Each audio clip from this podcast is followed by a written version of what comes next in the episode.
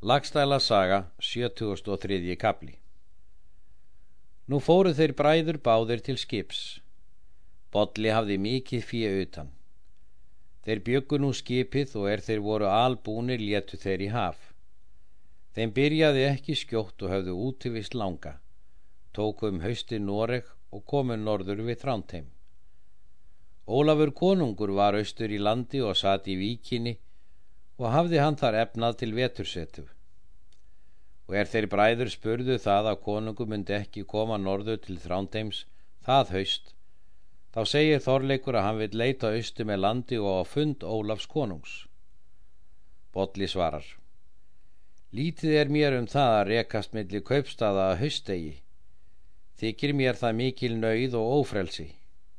Vil ég hér sitja vetur langt í bænum. Er mér sagt að konungur mun koma norður í vor, en ef hann kemur eigi þá mun ég ekki letja við förum á hans fund. Bodli ræður þessu. Riðja þeir nú skip sitt og taka sér bæjar setu.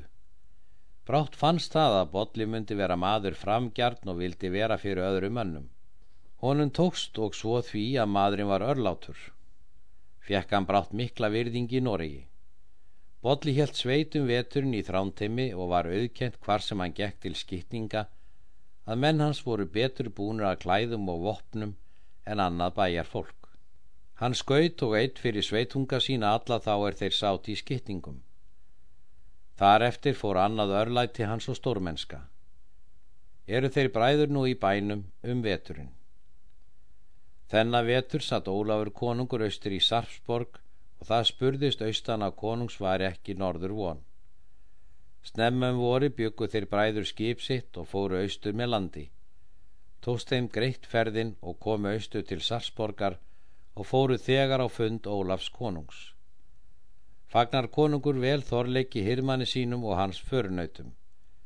Síðan spurði konungur hvers á væri hinn vorpulegi maður er í göngu var með þorleiki.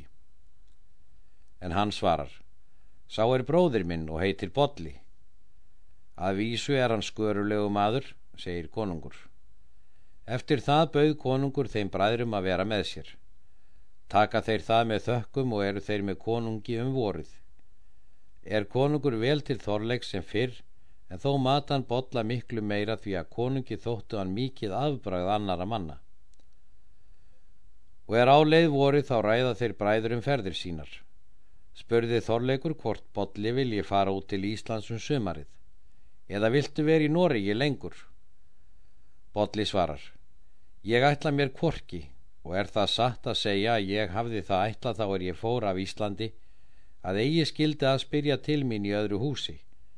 Vil ég nú frænda að þú taki við skipi okkuru Þorleiki þótti mikið ef þeir skulu skilja en þú Bolli mun þessu ráða sem öðru Þessa sömu ræðu báru þeir fyrir konung en hann svarar á þá leið.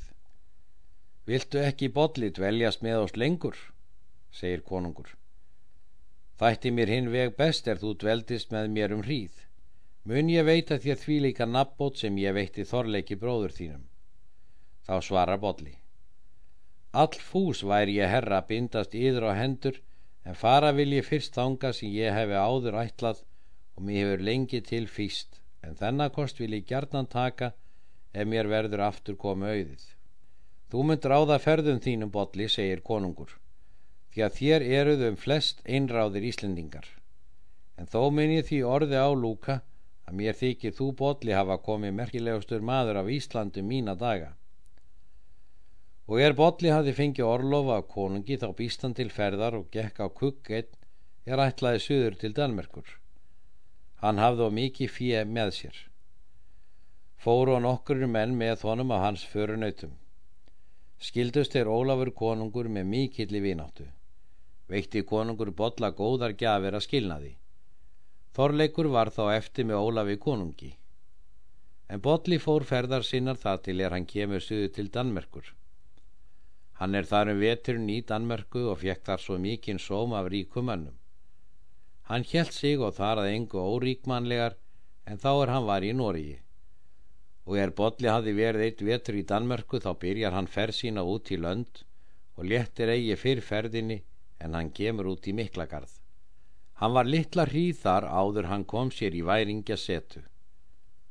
Höfum við ekki heyrt frásagnir að neitt normar hafi fyrrgengi að mála með garðskoningi en Bolli Bollason. Var hann í miklagarði mjög marga vetur og þótti einn hraustasti maður í öllum mannraunum og gekk jafna næst hinnum fremstum. Þótti væringum mikil svert um Bolla meðan hann var í miklagarði.